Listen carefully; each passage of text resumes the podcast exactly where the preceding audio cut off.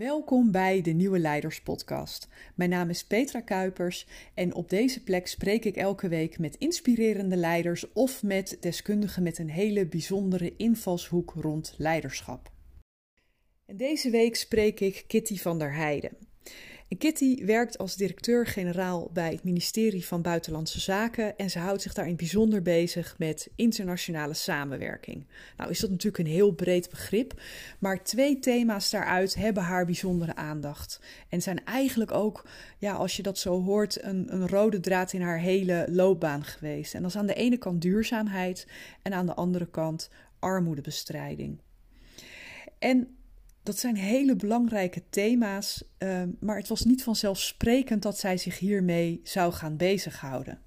Als je namelijk kijkt wat voor achtergrond Kitty heeft, dan uh, met een vader bij de Shell, zelf economie gestudeerd, dan was de verwachting al heel snel uh, dat zij ook de corporate kant op zou gaan. Maar ze heeft heel bewust gekozen voor een rol in het publieke domein. En daar gaan we het natuurlijk over hebben in ons gesprek. Welke rol speelt idealisme als je ambtenaar bent? En ook uh, wat betekent het om Nederland te dienen vanuit het buitenland? Want ze heeft op heel veel verschillende plekken gewoond. En nou ja, in, die, uh, in, in de verantwoordelijkheid voor, voor armoede, het armoededossier, natuurlijk ook ongelooflijk schrijnende situaties meegemaakt. Um, ze geeft daarvan ook een hartverscheurend voorbeeld in ons gesprek, wat me ook uh, na afloop echt is bijgebleven, omdat dat werkelijk door merg en been ging. Dus ik wens je heel veel inspiratie bij dit gesprek met Kitty van der Heijden.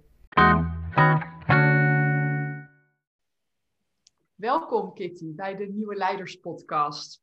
Dankjewel. Um, voordat we zo de inhoud induiken, zou je eens iets willen vertellen aan de luisteraars? Wie ben je en wat doe je op dit moment precies? Uh, wie ik ben is, daar begin ik altijd graag mee. Ik ben een gelukkig mens. Uh, om daarmee te beginnen. Uh, een mens met een hele leuke partner en twee hele leuke kinderen. wat ik doe, is een heel belangrijk deel van wie ik ben. Uh, ik ben nu directeur-generaal internationale samenwerking. Dat is zeg maar de ambtelijk hoofdverantwoordelijke voor alles wat we wereldwijd doen op het terrein van ontwikkelingssamenwerking. Mm-hmm. Uh, ja, en dat is eigenlijk een, een absolute fantastische baan. Ja, dat kan ik me voorstellen. En, en ik kan me ook voorstellen dat, uh, nou ja, dat wij nu allemaal niet kunnen reizen. Dat het voor jou ook nog wel wat betekent. Want het klinkt alsof je veel in het buitenland hebt gezeten. Dus dit zal wel even anders zijn. Of is dat te, te kort door de bocht uh, van me? Nee hoor, nee, absoluut. Kijk, mijn, mijn baan krijgt uh, betekenis door iets uh, voor arme mensen in ontwikkelingslanden te doen. En er is niks mooiers dan kunnen zien met je eigen ogen, te kunnen ruiken, te kunnen ervaren wat dat werk voor anderen betekent. Want zo laat je je batterij op. Dit is hard werken. We maken lange, lange dagen, veel uren.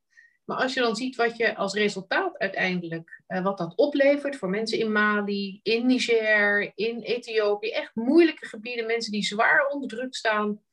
Uh, als je die het perspectief op een menswaardig bestaan kan bieden met het werk dat je doet, mm-hmm. ja, dat is fantastisch. En het feit, ik ben nu meer dan een jaar niet in het veld geweest. Nee. Ik heb de afgelopen uh, nou, 30, 35 jaar dat ik dit werk doe, in heel veel verschillende landen gewoond en in nog veel meer verschillende landen gereisd. En er is echt niks mooiers nee. dan dat. Maar nu is het even op een andere manier. En het mooie van, van uh, deze tijd is wel weer dat je met Zoom en WebEx en Microsoft Teams.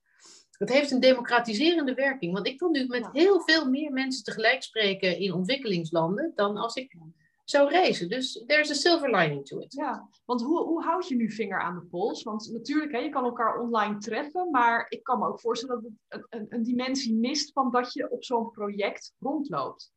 Hoe, hoe, hoe hou je tentakels daarin over hoe het echt gaat?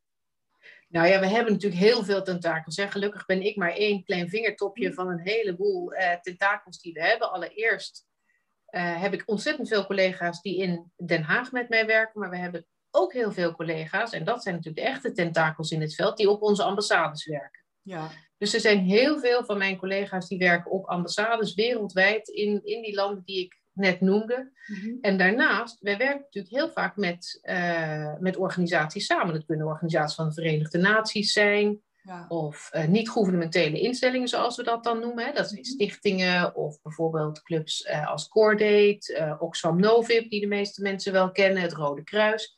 Dus we hebben ontzettend veel ogen en oren in het veld, zowel van mijn eigen collega's als via de organisaties waar we werken. En zo probeer je blijvend toezicht te houden op wat gebeurt er met dat geld. Dat is natuurlijk wel belastinggeld. Ja. Wordt dat juist besteed, maar heeft het ook de juiste impact op waar we dit allemaal voor doen? En nogmaals, dat is armoedeverlichting. Ja, en, en dat is echt een thema wat jou grijpt, hè? Naast, naast duurzaamheid ook. Waar, waar komt dat vandaan? Hoe is dat ontstaan bij je? Uh, ja, ik vind dat heel moeilijk om uh, daar precies de vinger op te leggen. Kijk, mijn hele familie komt uit het bedrijfsleven. Uh, al generaties lang. Dus ik ben de enige ambtenaar en er is heel vaak hardgrondig om mij gelachen uh, tijdens nou, Als ik me goed, jou, jouw TED, als ik me goed jouw TED-talk herinner, dan werkte je vader bij de Shell, klopt dat? Ja. Oké, okay. dat is een hele andere tak van... De oom bij Unilever, uh, andere bij Heineken, bij DAF. Nou, dat is ja. ongeveer een plaatje. Grote jongens, ja. Ja. En meisjes. Ja. Uh, en ik ben ook zo begonnen ik ben economie gaan studeren met de gedachte, ik ga wel diezelfde kant op. En toen was ik klaar, 22, en ik had een hele mooie scriptie geschreven. Toen dacht ik, god, wil ik dit nou de rest van mijn leven doen? Ik ben van oorsprong fiscaal econoom. Mhm. Ik ben een mensenmens. Ik wil iets doen voor mensen. Ehm, ik wil betekenis hebben. En ik denk dat ik eigenlijk iets heel anders met mijn leven moet gaan doen. Ja. Ja, en toen uh, kwamen de woorden van mijn moeder op. Uh, mijn moeder is helaas heel jong overleden, maar die heeft me wel altijd één ding meegegeven. En dat is uh, dat er eigenlijk niks mooiers is in het leven. To work hard at work worth doing. Ja. En wat is work worth doing? Dat is voor mij ontwikkelingssamenwerking. Dat is het bieden van perspectief aan mensen die het gewoon door pure pech minder goed hebben getroffen dan ik. Ja. Uh, nou ja, en zo ben ik, uh, heb ik een onderzoeksvoorstel geschreven en ben ik met een beurs naar Mexico gegaan en heb ik uh, in de Krottenwijk van Mexico-stad onderzoek gedaan naar illegale abortus. Dus dat was wel even heel iets anders. Wauw. Want wat gebeurt er dan met jou als nog relatief jonge vrouw, die uit een bolwerk komt van allerlei, ja, toch wel uh, commercieel gedreven familieleden? Ja. En dan kom je daar terecht. Ik kan me voorstellen dat het in je eentje best pittig is waar je dan mee geconfronteerd wordt. dat was zeker, dat was zeker pittig. Uh, maar ik heb er één ding van geleerd. Je moet je nooit iets in de weg laten liggen door wat je omgeving doet. Volg je hart, volg je intuïtie. En ga maar gewoon kijken wat wel kan. Mensen laten zich snel tegenhouden door wat niet kan, of wat ze denken dat de omgeving denkt dat zij zouden moeten worden. Mhm. Dat heb ik gelukkig nooit gedaan. Dus ik heb het gedaan als uh, een pure belangstelling. En sindsdien ben ik er zo aan verslingerd. Ja. Uh, dat ik ja, sindsdien eigenlijk niks anders meer heb gedaan dan ontwikkelingssamenwerking en duurzaamheid. Dus vandaar ook uh, ja, dat ik met heel veel geluk en tevredenheid ambtenaar ben. Dat hoor je niet zoveel mensen zeggen, maar ik ben trots op mijn beroep. Vind, vind je dat je idea, uh, een, een idealist moet om ambtenaar te worden? Want je komt natuurlijk ook uit een studieomgeving waar waarschijnlijk heel veel van je studiegenoten andere keuzes hebben gemaakt. Uh, ik denk wel dat je een beetje, je moet in ieder geval een dienende instelling hebben. Hè? Wij zijn niet degene die het bepalen, dat is de politiek. Uh, mm -hmm. Daarover is wat mij betreft geen misverstand. Uh, mijn, de collega's met wie ik gestudeerd heb, ja, die in het bedrijfsleven terechtgekomen zijn, verdienen waarschijnlijk drie keer zoveel als ik. Ja. Uh, maar ik, altijd, ik ben drie keer gelukkiger. En heel vaak kom ik mensen tegen die enorm succesvol zijn geweest in uh, het bedrijfsleven. En die toch heel vaak een knagend gevoel hebben van, maar wat heb ik nou eigenlijk gedaan met mijn leven? Ja. Dus die maatschappelijke relevantie zoeken en die intrinsieke motivatie die we als mens toch vaak hebben om, uh, om, om relevant te zijn voor de ander, in verbinding te staan met de ander, ja, die drijft uiteindelijk heel veel mensen. Dus heel veel mensen vinden uh, later in het leven het toch belangrijk om dit soort dingen te doen, worden dan lid van een stichting, in het bestuur daarvan. Ja, het is gewoon mooi werk. En ambtenaar zijn uh, is gewoon een mooi beroep. Ja, ik ben het zelf ook geweest en ik ben er ook altijd trots op geweest. En ik heb ook heel veel gezien dat alle stereotypen die daarvoor gelden. Nou, in ieder geval in mijn omgeving werd er harder gewerkt dan dat ik sindsdien ben tegengekomen. Dus... Ja, heel hard gewerkt. Ik kan in ja. ieder geval voor mijn collega's op buitenlandse zaken zeggen. Dat zijn allemaal mensen die zich met hart en ziel inzetten voor nou ja, wat wij vertegenwoordigen in het buitenland. Of dat nou handelsbelangen zijn, de bilaterale relaties met landen, de Verenigde Naties, ontwikkelingssamenwerking, consulair beschikbaar staan voor Nederlanders die in de problemen komen in het buitenland. Mhm. noem maar even met de pandemie, hoe hard er toen gewerkt is zonder morgen, weekenden lang, 24 uur per dag, zeven dagen lang, om al die Nederlanders terug te krijgen die op vakantie waren, die terug wilden naar Nederland, ondanks corona. Ja, dan staan we er wel met z'n allen. Ja. ja, dat is gewoon mooi. Ja. Hey, en je hebt zelf dus ook veel in het buitenland gezeten hiervoor. Ja. Kan je eens meenemen, hoe is dat? Want je vertegenwoordigt daar Nederland. En je zit in een omgeving Ehm, nou, waar ook wel andere belangen, zeg maar, uh, wat hoger worden aangeschreven. Ik, ik, ik, maak er een beetje een, een understatement van. Maar hoe werkt dat? Hoe vertegenwoordig je het Nederlandse belang terwijl je toch in contact wil komen met je omgeving daar? Um, het is eigenlijk niet, zo, niet eens zo heel moeilijk. Kijk, het, als je, laat ik in de eerste plaats zeggen dat, ik, dat het altijd ontzettend leuk is en dat je er trots op kunt zijn dat je een land als Nederland vertegenwoordigt. Ja. Er zijn heel veel landen die ik liever niet zou willen vertegenwoordigen. We hebben het hier met z'n allen echt heel dik voor elkaar. Ja. Ehm, en het leuke van Nederland is, uh, wij hebben mensen die echt overal in de wereld zijn en werken. Niet zozeer vanuit de ambassade, maar we hebben ondernemers. Wat die allemaal doen in, met, met tuinbouw, bijvoorbeeld in Oost-Afrika. Ik kom overal Nederlanders tegen. Uh, of omdat ze gaan reizen, of omdat ze handel drijven. Mm We zijn een heel reislustig en nieuwsgierig volk, dus het zit een beetje in onze aard om in contact te komen met andere landen. Dus Nederland vertegenwoordigen in zo'n ander land is niet zo heel veel anders dan wat al die andere mensen doen die ook graag met het buitenland in verbinding staan. Behalve dat je natuurlijk een iets andere positie hebt, omdat je er vier jaar lang, meestal vier jaar, ja. uh, woont. Um, ja, en wat het, hoe je het doet, is voor mij heel sterk uitgaan van uh, eerst kijken, eerst mhm. heel goed luisteren, altijd proberen uit te gaan met waar ligt de verbinding tussen ons? Natuurlijk scheidt ons heel veel tussen landen, tussen mensen, etnische groepen, genders, uh, cultuur, religie, noem maar op. Maar er is als mens vaak meer dat ons verbindt. En hoe wij als ambassades in het buitenland opereren, dan hebben we het over het goed houden van de bilaterale relaties tussen onze overheden, maar ook het helpen van het Nederlandse bedrijfsleven in het buitenland, dat is vaak moeilijk zaken doen. Daar kunnen wij enorm veel uh, hulp bij bieden. op mijn eigen vakgebied, ontwikkelingssamenwerking, ben je de vooruitgeschoven post eigenlijk van ons allemaal, de Nederlandse belastingbetalers, die daar projecten doet op het terrein van onderwijs, op het terrein van gezondheidszorg. En Nederland is op al die terreinen die ik net noemde, altijd een heel graag geziene gast in uh, de landen waar wij ambassades hebben. Dus dat is vaak heel mooi.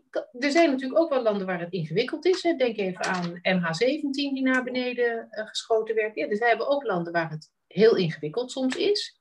Maar daar zijn we natuurlijk ook wel voor opgeleid en voor getraind. Ja, want als je daar dan vier jaar zit, bouw je ook echt iets op? Of blijf je in een soort van community zitten uh, met, met andere Nederlanders en is het situationeel dat je, dat je de mensen daar tegenkomt? Zit je op een soort compound?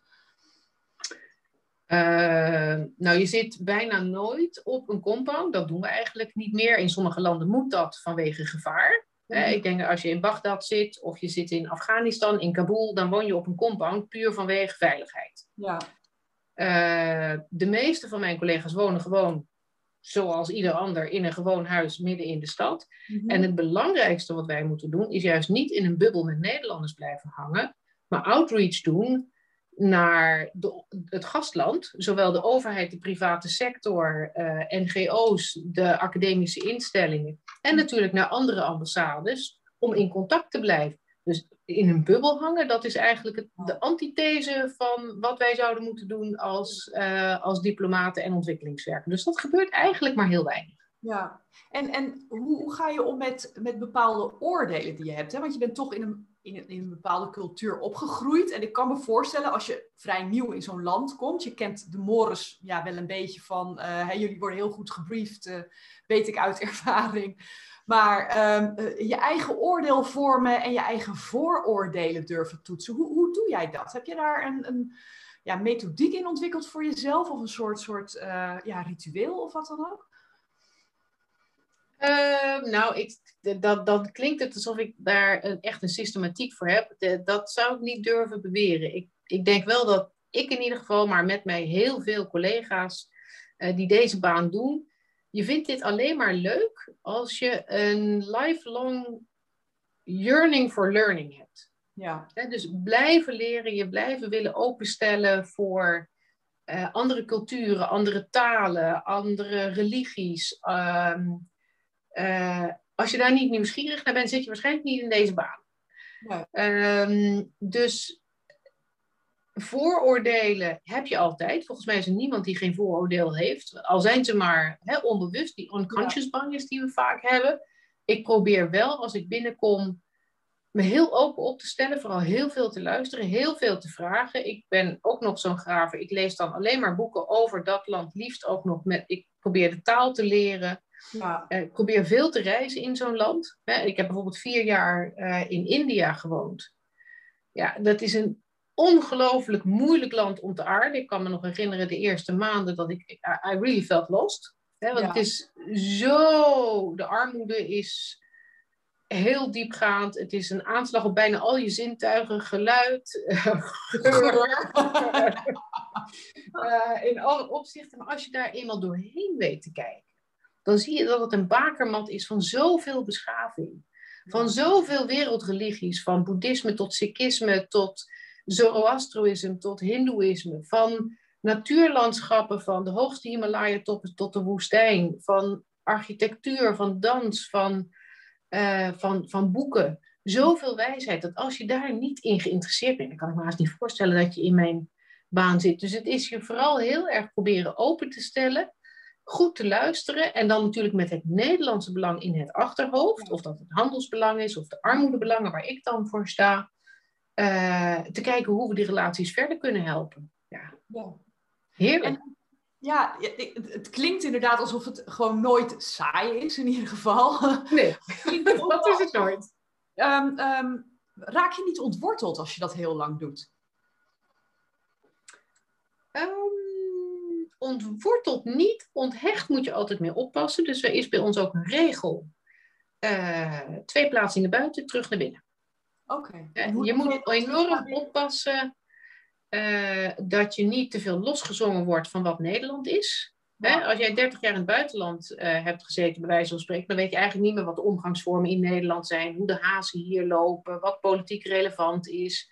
Dus het is heel belangrijk dat we regelmatig terugkeren naar Nederland, onze voetjes weer op de vloer. Je zit ook in een redelijk geprivilegieerde positie, maar we blijven natuurlijk maar gewoon ambtenaren. Ja. dus ik vind ook dat weer heel belangrijk. Gewoon weer even aarde op de Hollandse bodem. Dat is heel goed en verstandig. Dus ik vind dat een, uh, een goed beleid. Dus nee, ontworteld raken we niet. Je moet oppassen dat je niet onthecht raakt. Want iedere vier jaar veranderen mhm. van werkplek doet natuurlijk wel wat met je. Hè? Ik heb niet de lange vriendschap. jou als mens? Hoe heeft dat jou, jou beïnvloed? Uh, ik denk in positieve zin ben ik heel snel in staat om relaties te leggen. Uh, binnen no time hebben wij hele diepgaande vriendschappen opgebouwd. Die blijven ook. Als ik morgen die mensen bel waar ik twintig jaar geleden meer in India zat, dan zijn we weer meteen op hetzelfde spoor. Ja. Maar je ziet elkaar natuurlijk niet vaak meer. Hè? Dus je hebt wel te maken met uh, die vorm van onthechting bedoel ik, dat je die vriendschappen niet, zoals mijn zusjes, Mhm. die hebben de vriendjes nog van vroeger. Ja, die heb ik allemaal niet meer, want het is niet bij te houden. Nee. Uh, je doet ook echt wat met je gezin. ik heb twee kinderen die geboren zijn uh, buiten Nederland, die in Vietnam hebben gewoond, in Ethiopië hebben gewoond, in New York hebben gewoond. Ook voor kinderen in, die levensfase. Het vraagt nogal wat van kinderen om iedere vier jaar uh, nieuwe relaties op te bouwen, nieuwe vriendschappen op te bouwen. Daar kan niet iedereen tegen dus het doet ook wel echt wat met je als, als moeder, als mens en als professional. Ja, dat kan ik me wel voorstellen inderdaad. Wat, wat mis je als je buiten Nederland bent aan Nederland? Ha, drop. Ja, oh, dat is zo Hollands. drop en kaas. uh, ik mis, maar is er iets in de cultuur waarvan je denkt van ja, dat is echt iets wat ik, wat ik zo lekker vind als ik weer even thuis ben. wat ik heerlijk vind aan uh, Nederland, uh, dat zijn twee dingen. het ene is, hè, ze zeggen in het buitenland vaak dat wij heel direct zijn. Mhm. Ehm, eh, Amerikanen zeggen van de Nederlanders: You're honest to the point of being rude. Ja. Oh, die snap ik wel, ja. Die voel ik Dat, ook wel. dat is Ja. ook zo, maar dat geeft wel heel vaak een snelle eh, verfrissing in het debat. Ja. Wij gaan niet eerst zes keer rond eh, de boom dansen en ja zeggen als we nee bedoelen. We zijn behoorlijk recht voor zijn raap, dus je komt snel tot de zaak. is niet altijd praktisch in landen die een hele andere cultuur hebben, maar is wel heel fijn om snel te schakelen. En een tweede waar ik heel, wat ik wel echt mis, is dat wij als Nederland ontzettend consensusgedreven zijn. Het poldermodel zit bij ons in het DNA. Wij zoeken altijd naar wat ons bindt. Wij zoeken altijd naar hoe we bruggen kunnen slaan. Daar zijn we ook internationaal en diplomatiek heel erg goed in. Ja, dat is niet altijd in het DNA van de landen waarin we werken. Dus dat is soms best heel moeilijk. Ge- gebruik je dat daar? Want ik kan me voorstellen, hè, je, je, je werkt met hele verschillende eh, instanties, verschillende belangen. Als je met NGO's en het bedrijfsleven en met lokale overheden zit, hoe zoek je dan een gezamenlijke agenda? Hoe, of hoe vind je een gezamenlijke agenda? Is dat polderen daar, speelt dat daar nog een rol in? Ik denk dat wij daar, daar zijn wij nou eh, best uniek eh, in, denk ik, als Nederland. We zijn natuurlijk relatief klein, but we punch above our weight. Ja. Hè? Ehm, wij, omdat we ook een heel neutraal imago hebben. We zijn geen enorme geopolitieke speler. We zijn geen Rusland, we zijn niet Amerika. Komen Kunnen wij heel vaak- eigenlijk. Ja. Kunnen wij heel vaak mensen van verschillend pluimage aan de tafel krijgen. Mhm. Eh, en worden we gezien als een eh, neutrale makelaar.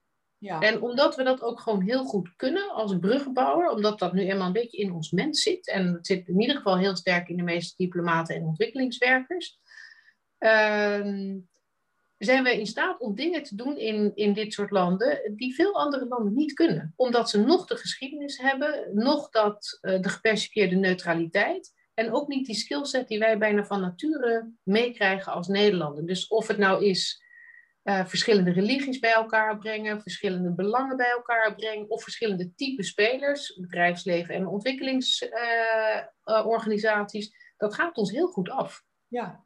Ja, dat merk je ook inderdaad. eh, ja. En ehm, ben je daar dan in je opleiding ook nog speciaal in getraind? Ik weet niet of die opleiding nog bestaat binnen buitenlandse zaken. Dat je dat, nog meer fijn slijpt, uitdiept of wat dan ook. Hoe, hoe ben je daarop voorbereid? Uh, nou, in, uh, in, in mijn tijd, dat klinkt heel oud, uh, had je nog een opleiding van een jaar waarin dat vrij expliciet aan de orde kwam. De opleiding is nu veel korter, maar er zijn uh, wat langere proefplaatsingen waarbij je, waarbij je als jonge medewerker mm -hmm. ja, in het diepe wordt gegooid om in een aantal verschillende situaties, in verschillende banen, uh, zeg maar learning on the job te doen. Ja. En daar is dit een hele belangrijke skillset bij. ja. ja. En als je daar dan aankomt, hè, want je bent in principe, je hebt niet echt leiders in je directe omgeving. Dus je moet een beetje je eigen leiderschap daar vormen. Heb, heb je voorbeelden uh, als je op zo'n ambassade komt van uh, nou, mensen die je als rolmodel gebruikt of, of die je als mentor kan benutten? Of hoe, hoe uh, ontwikkel je je daarin verder als leider? Um, nou ja, kijk, ik werk ruim 30 jaar nu bij Buitenlandse Zaken. Dus ik heb, uh, nou ja, zeg maar als jongere medewerker, middenmanager, maar ook als eindverantwoordelijke. Op de verschillende plekken uh, gediend. Ik denk dat het heel erg belangrijk is in je loopbaan om heel goed te kijken. En dat, dat vinden mensen heel raar dat ik dat zeg. Maar heel goed te kijken naar wat je slechte ervaringen zijn, want daar leer je vaak het meest van. Ja. Dus wat waren nou de bazen waar jij je aan hebt geïrriteerd, waar je ongelukkig van werd, waar je ongemakkelijk van werd, waar je last van had? Ja. Uh, ik heb er best een paar gehad, wie heeft dat niet? Ik heb daar vooral van geleerd wat ik in ieder geval niet wil zijn. Uh, en wat ik wel wil betekenen voor jonge mensen die nu bij ons binnenkomen. Dus dat is uh, voor mij heel, heel erg belangrijk. Um, het tweede waar ik denk ik het meeste van heb geleerd qua leiderschap, is leiders die zich ook kwetsbaar durven op te stellen en die bereid zijn om jongere medewerkers mee te nemen, om als coach te dienen. Uh, dat heb ik zelf heel veel baat bij gehad en ik probeer dat zelf ook te zijn voor onze jonge medewerkers. Ik sta altijd open voor gesprekken, ook met de allerjongsten. Uh, het is moeilijk om er tijd voor te vinden, maar ik doe het wel. Ja. Want dat is volgens mij hoe je, hoe je jonge medewerkers ook mee kunt nemen in een voorbeeldfunctie zoals ik hem heb, naar wat goed leiderschap is. En dat begint en eindigt met goed naar elkaar luisteren. Ja, ja zo belangrijk. Maar goed, hè, je zegt ook kwetsbaarheid. En ik kan me voorstellen dat juist de portefeuille die jij zelf hebt, dat je met dramatische uh, situaties te maken hebt, dat je veel ellende ziet. Hoe ga je daarmee om? Want ja, je, je wil dat toch op een of andere manier kanaliseren dat je het niet de hele tijd met je meedraagt. Dus waar, waar zit die balans van die kwetsbaarheid aan de ene kant, hè, die gevoeligheid, en aan de andere kant daarmee om kunnen gaan? Um, nou, A, ik denk altijd, het is, geen, uh, het is geen schande om kwetsbaar te zijn. Het is ook geen schande om emotioneel geraakt te zijn door de ellende die je om je heen ziet. Mhm. Dus uh, ik wil dat ook niet zakelijker maken dan het is. Ik moet er natuurlijk zakelijk mee omgaan in de zin dat het geld goed uh, besteed moet worden en goed verantwoord moet worden. Dat is gewoon een heel zakelijk proces. Maar ik word nog steeds geraakt als ik zie in wat voor dramatische omstandigheden mensen rondlopen. Terwijl ik eigenlijk denk dat dat niet nodig is of niet nodig zou hoeven te zijn. Uh, ik vind het ook helemaal niet problematisch om daar heel open over te zijn naar medewerkers. En ik denk dat dat voor een aantal mensen heel verfrissend is. Hè? Dat is niet het typische beeld van een diplomaat. Dat is de stiff upperlip. Je laat mhm. niks merken. En allemaal maar gewoon mensen, joh. En dit doet, hè, uh, wij maken allemaal dingen mee in onze banen die echt wel wat met je doet, met onszelf, met je kinderen of je partner.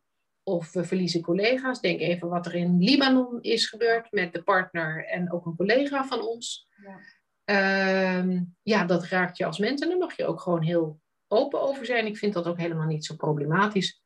Hoe ik daar zelf mee omga, is wel ook voldoende rust inbouwen. Uh, want een baan zoals ik die nu heb, ik maak hele lange dagen en dat doen de meesten met mij.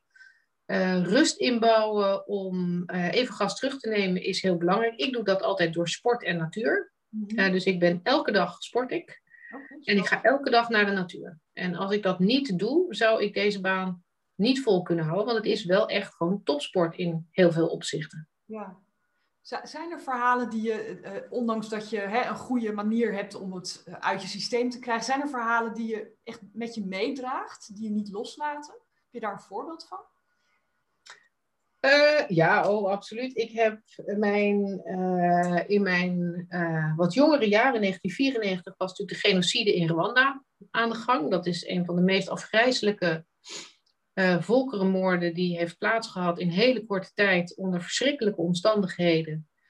Um, en ik was verantwoordelijk voor het landenprogramma in Rwanda en ook daarna voor de wederopbouw en de vluchtelingenkampen. En een van mijn eerste reizen naar Rwanda, vlak na de genocide, uh, kwam ik bij een, uh, nou ja, geïmproviseerd, zal ik maar zeggen, weeshuis terecht, waar een uh, meisje zat met grote holle ogen. Ik, kan er nog, ik zie haar zo voor me, die de hele tijd met haar handje over haar voet wreef.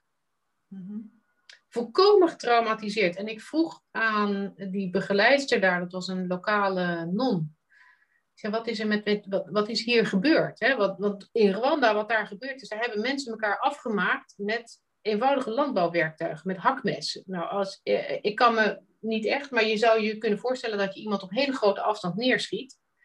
Maar als je iemand met een hakmes om wil leggen en wil vermoorden, dan ben je echt even bezig. Je staat heel dicht op elkaar, je ruikt het angstzweet, je ziet de angst in de ogen van mensen, je hoort ze praten. En toch ga je door. En zo zijn in drie maanden tijd een miljoen mensen omgebracht. Ja. Dat is onvoorstelbaar wat daar is gebeurd. Massa gekte is het, ja. Dat meisje uh, heeft uh, zichzelf kunnen verstoppen toen haar hele familie is uitgemoord. Mm -hmm.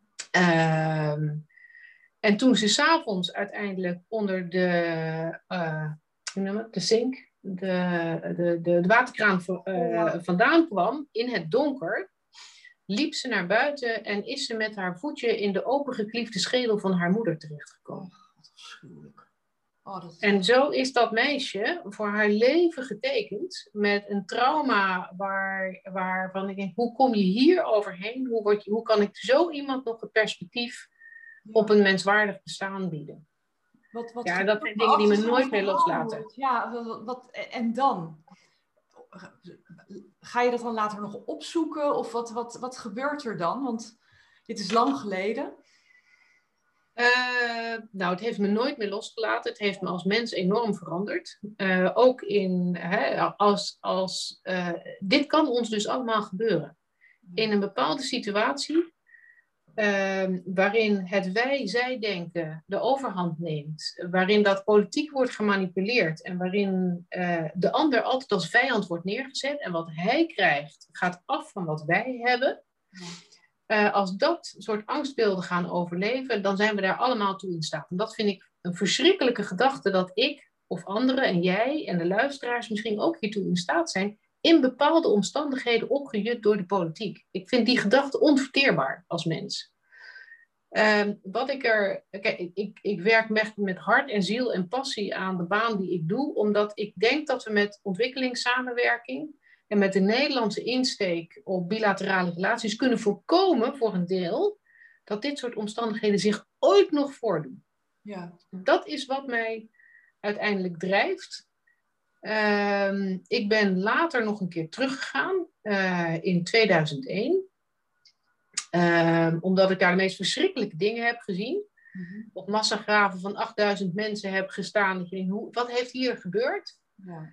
En voor mij was toen heel goed om te zien dat het land heel erg sterk verbeterd was. Ik bedoel, het heeft natuurlijk nog een hele lange weg te gaan. En er zijn voldoende dingen waar je aanmerkingen over kunt hebben.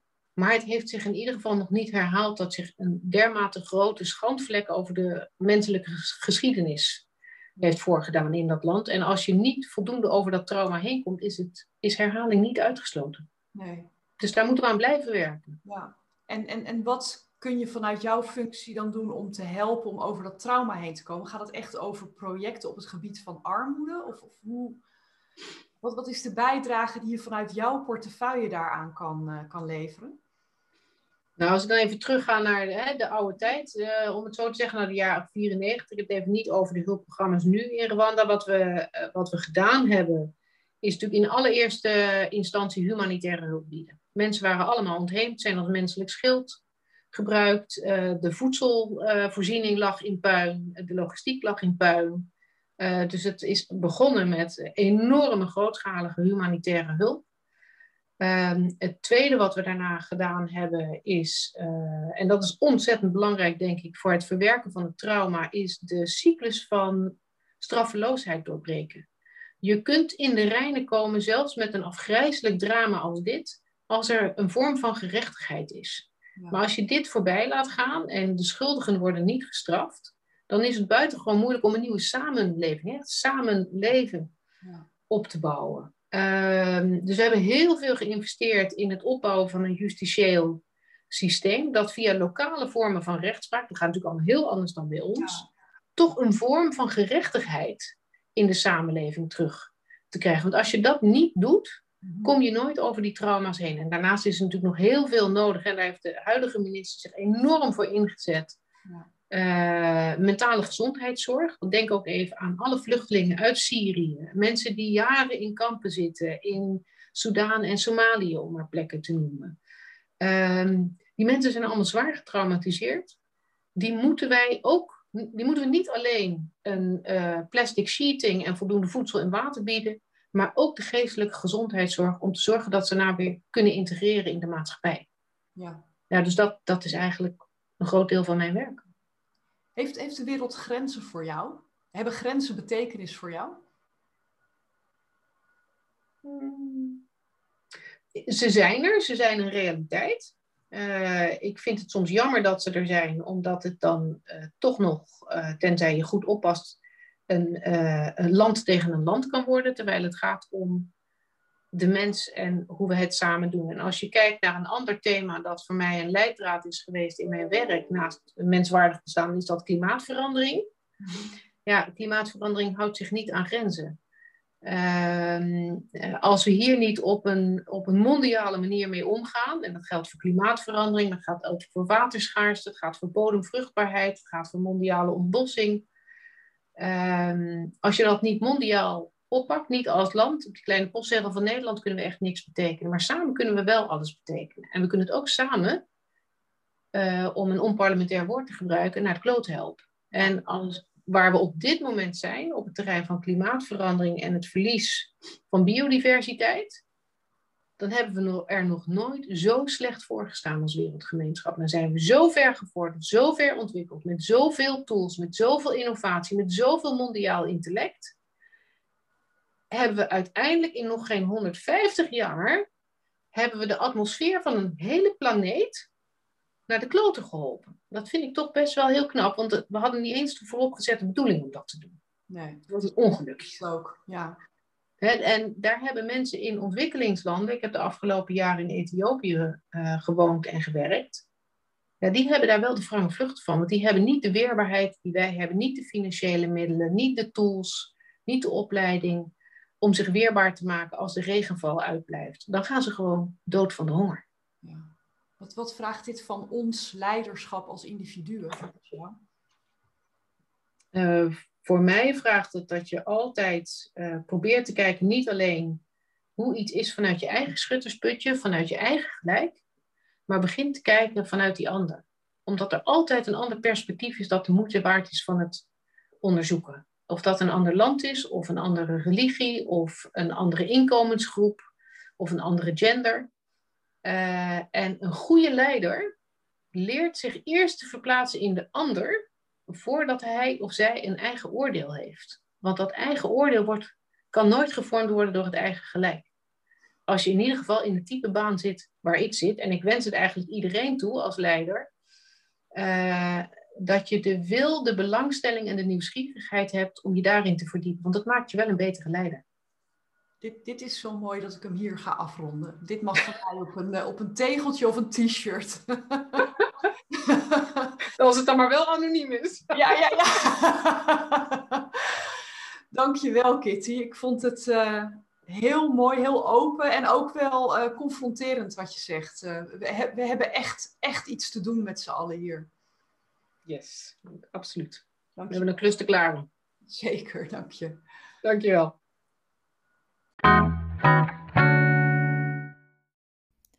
Dit was hem weer voor deze week en ik hoop natuurlijk dat het gesprek met Kitty je de nodige inzichten en inspiratie heeft opgeleverd. Als ik kijk wat er bij mij blijft hangen, dan pik ik er uh, een paar dingen uit op. Het eerste is uh, natuurlijk die ambtelijke trots. Hè, van laten we nu eens een keer kijken naar uh, het, vak van ambtenaar. Hè. Het staat de laatste tijd op een aantal manieren minder gunstig uh, in de spotlight. Terwijl het is een ontzettend mooi vak. Je bent bezig met de dingen die er echt toe doen. En die trots die zou alweer wat meer uitgedragen mogen worden. Ik denk ook uh, dat dat heel terecht is uh, dat, ze daar, dat ze daar aandacht aan besteedt. En het tweede wat voor mij eruit springt is wat een cadeautje het eigenlijk is dat uh, polderen of het zoeken naar consensus zo deel uitmaakt van onze cultuur. Dat het echt in ons DNA zit. We doen er wel eens wat lacherig over of we vinden het wel eens een beetje een spruitjesgeur verschijnsel. Maar eigenlijk is het een ongelofelijke verworvenheid dat wij als Nederlanders daar zo toe in staat zijn. En ik denk dat ons dat uh, op het internationale toneel ook heel veel brengt.